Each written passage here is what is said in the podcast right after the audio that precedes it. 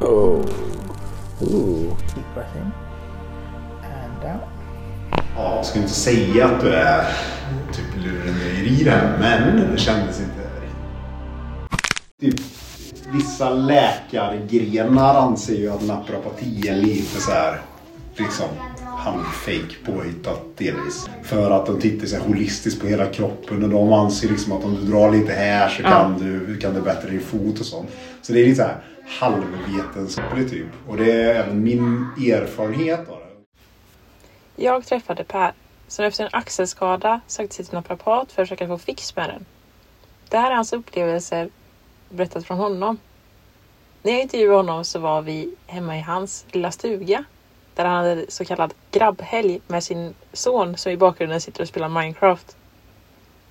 Fråga frågor, allmän hälsa, bla bla bla. Och sen så var det känna lite och så knäcka två gånger typ. Och så, ah, så här, men du behöver nog typ fem gånger skulle jag tro för att komma, komma till bot med det här. Och så andra gången tillbaks, knäcka lite igen och knäcka lite annat. Och så tredje gången. Och sen där någonstans tror jag att jag bara, ah, alltså det här känns lite som att jag bara ska komma hit gång på gång. Knäcka lite och prata lite. Så beskrev Per sina första och enda besök hos naprapaten.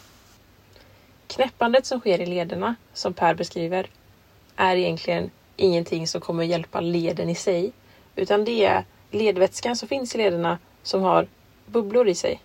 De här bubblorna släpps ut när de kläms mellan skelettdelarna och gör då ett ljud. Det här ljudet är ju det som man hör då när det knäpper i lederna. När jag var yngre så fick jag alltid höra du får inte göra så i klassrummet nu Hanna med fingrarna för du kommer få artros. Och det finns inga belägg för det. var nog mer bara lärarna som var sura på mig. Men eh, det finns inte heller några belägg för att det ska vara bra för dig. Eller att de här bubblorna faktiskt gör restriktioner i dina leder som gör att du blir stel. Utan de finns där och ibland smäller de och ibland låter det, och ibland inte.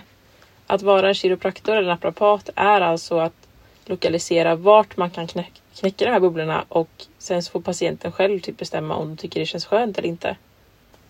Men vad gjorde han sen då för att fixa sin axel? Har han fortfarande ont i den idag? Det var ju absolut inte... Det kändes som en lång undersökning som delvis, slash mest, var till för att jag skulle komma igen och betala 900 spänn till.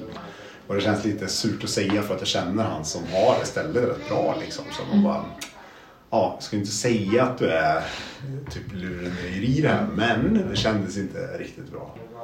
Och sjukgymnasten blev så sjukt nöjd för bara ett, en gång någon som säger vad det är, vad ska du göra åt det och visa vad du ska göra och sen bokar upp mig igen liksom. Och så kostar det 100 spänn och det var bara boka online, inget trassel liksom. Hur bra som helst.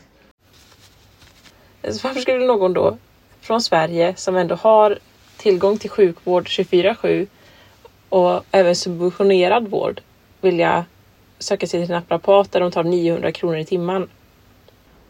Ja, jag vet faktiskt inte. Jag tror att jag kanske hade en bild av också att typ den vanliga landstingsvården är alltid så svår att komma in till. Alltså jag, jag tänkte nog att man får gå till vårdcentral och det är bara, det orkar jag inte liksom. För då ska man bli remitterad någonstans och säga bara nej, det här var privat, de tar emot när som helst. Okej, jag får betala för det, skitsamma.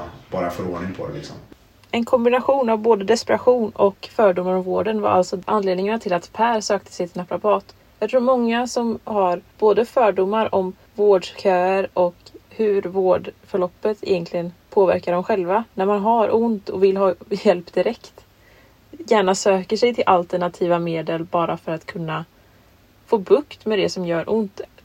Och då spelar priset inte så stor roll. Så om du ska lämna den här podcasten med något i åtanke så är det om du väl får ont skulle rådet vara att söka ordinarie vård innan du söker alternativ medicin. Sen om du väljer att göra det, en helt annan fråga. För det är egentligen upp till en själv vad man känner för att göra med sin egna kropp och sina egna pengar.